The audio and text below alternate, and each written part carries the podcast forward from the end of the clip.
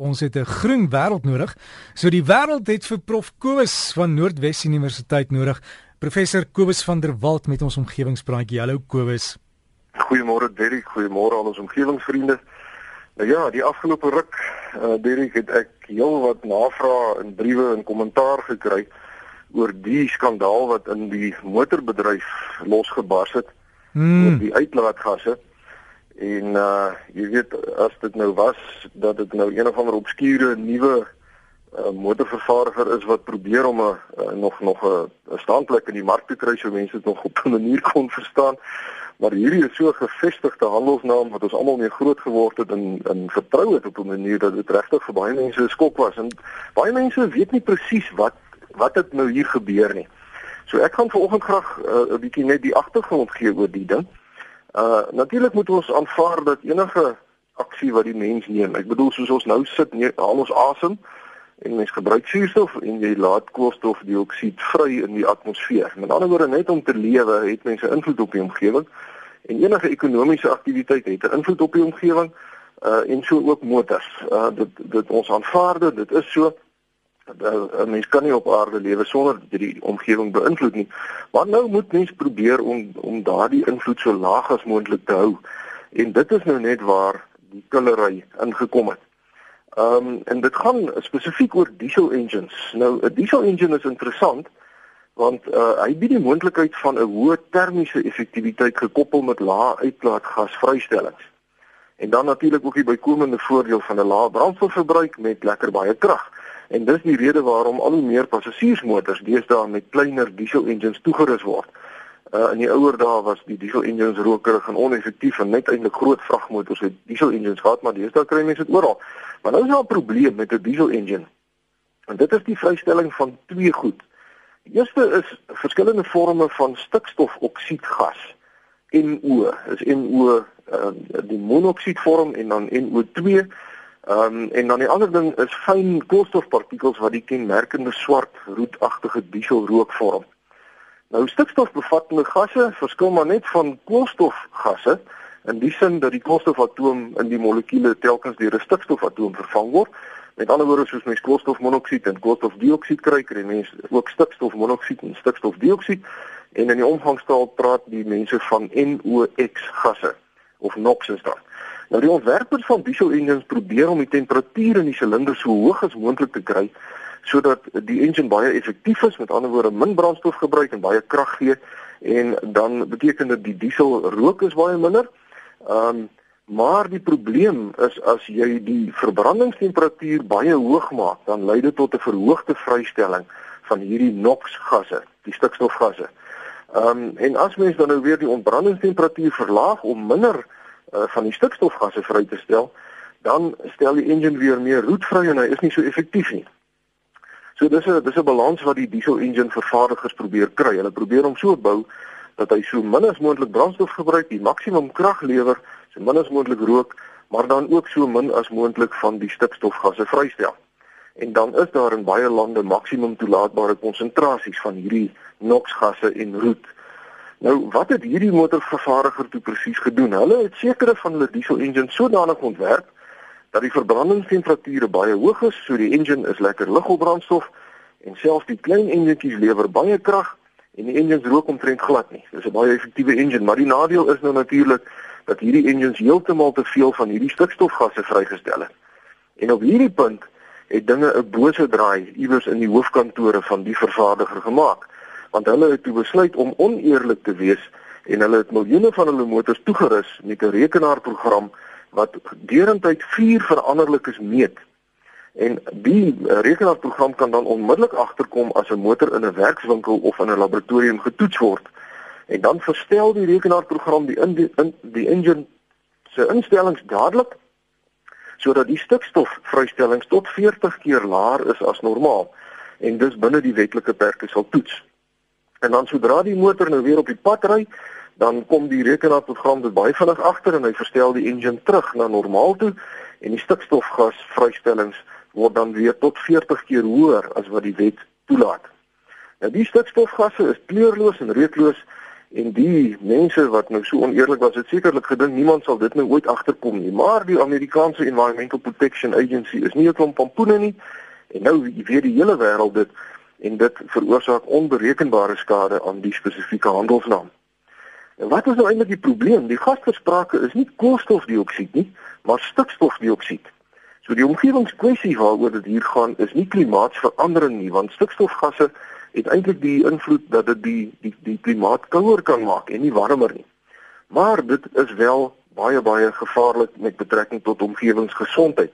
Want stikstofdioksied reageer met ammoniak en waterdamp en ander verbindings in die atmosfeer en dit vorm rookmis.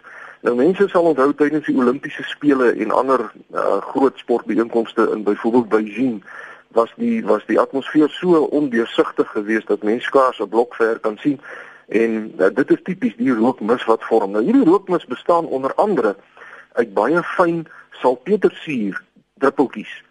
En dit lei natuurlik tot suurreën, maar die grootste gevaar is as mense dit inasem. En ons sien op baie keer in die oosterse lande of in groot stede mense loop met sulke gesigmaskertjies. Nou hulle dit is 'n poging om te kyk of hulle nie of hulle minder van hierdie salpetersuur rookmis kan inasem. Want as jy dit nou inasem dan beland dit diep in die sensitiewe dele van jou longe waar dit nou lugweginfeksies soos bronkietis of longsiektes soos emfyseem kan veroorsaak of kan vererger en dit kan selfs lei tot die dood van mense. Nou hierdie stikstofgasse reageer verder met vlugtige organiese stowwe om ozon te vorm en of skoon ozon hoog in die stratosfeer 'n lewensnoodsaaklike gas is wat ons teen die son se skadelike strale beskerm, is dit ook 'n giftige gas as dit op grondvlak deur mense ingeasem word. Nou hierdie ozon lei tot 'n afname in die longfunksie van bejaardes of jong kindertjies en babas en dan ook natuurlik asma leiers. En benewens ozon vorm die stikstofgasse nog ook 'n hele klomp ander giftige produkte soos byvoorbeeld vrye radikale wat met biologiese mutasies verbind word. Nou, dit word beraam dat die oneerlikheid van 'n handjievol topamptenare van die spesifieke motorvervaardiger oor die afgelope 7 jaar op 'n direkte wyse gelei het tot die dood van etlike honderde mense wêreldwyd en indirek bygedra het tot 'n verswakking in die gesondheid van miljoene mense. Nou ja, ek dink dis dis logies vir almal dat nie alle werknemers of alle handelaars van hierdie skelmstreek bewus was nie. Want so geheim het natuurlik die vermoë om die vervaardiger se naam geweldig skade aan te doen soos wat ons tans sien gebeur. Die vervaardiger het die afgelope week aangekondig dat hulle omtrent 11 miljoen motors wat nou met die skelm rekenaarprogram toegerus is, stelselmatig gaan inroep om die fout te herstel. Gelukkig hier by ons in Suid-Afrika uh, het die vervaardiger aangekondig dat Suid-Afrikaanse motors nie daardeur geraak word nie, maar wêreldwyd gaan die naam baie baie baie skade kry want die vraag is nou as mens nou die rekenaarprogram gaan verander uh, is die vraag of die uh, motors nou stadiger gaan wees, met ander woorde gaan die engine steeds so effektief wees, uh, gaan hy swaarder op diesel wees, uh, gaan hy meer rook, wat gaan die invloed wees? En baie regerings en individuele eienaars uh het reeds begin sê hulle gaan tou staan met eise teen die maatskappy.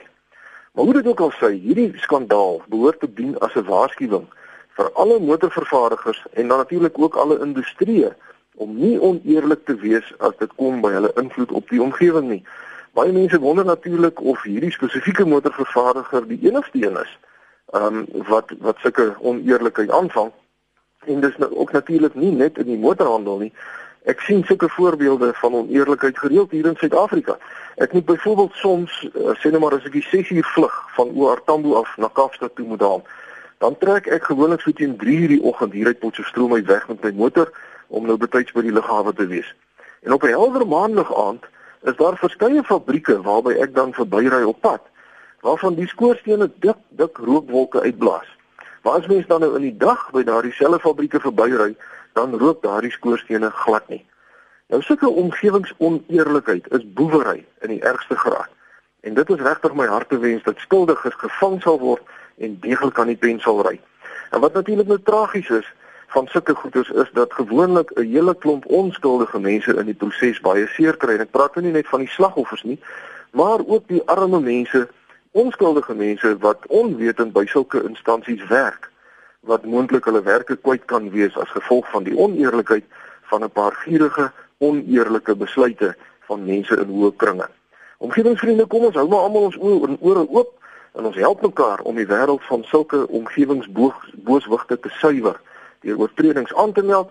Die telefoonnommers hier by ons van die groen skerpioene en die blou skerpioene is op die internet beskikbaar. Uh en dis ook op omgewingspraatjies se Facebook bladsy beskikbaar. En daarmee sluit ek af vir oggend. U kan gerus vir my skryf.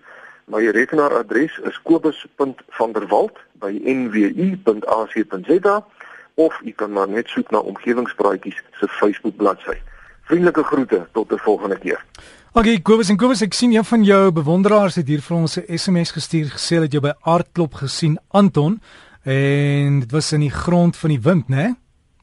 Dit ja, ja, dis heerlik hier by Aardklop. Dis warm, jong. Ons ons sweet omtrent uit hier in Potchefstroom. Maar dis heerlik in die produksie. Dit gaan baie goed. Uh, ek speel maar baie, ek speel maar net die basgitaar, baie klein rolletjie. Maar gisterand is ons uitgenooi om uh, op die 1 November die produksie op die planke te bring in die Atterbury Theater in Pretoria. So mense wat nou nie by Aardklop kan uitkom nie en dit dalk graag wil sien ek kan gerus daar kom kyk dit dit die ding gaan oor die klomp boere wat hier in die begin van die vorige eeu oor is Argentinië toe om daar te gaan boer en uh, al hulle wedervarings en die mense geniet dit nogal soos wat ek hoor. Ja, ek wil sê is een van die bestes hierdie jaar. Dankie Kobus. En Kobus, mense wat jy wil kontak, is kobus.vanderwalt by nwu.ac.za, maar jy's op Facebook ook, né? Nee? Dis reg, Derek. Die Facebook bladsy is beskikbaar, soek maar net vir omgewingspraatjies. Omgewingspraatjies die meervoud. So gesels ons dan met Prof Kobus van der Walt, professor by Noordwes Universiteit.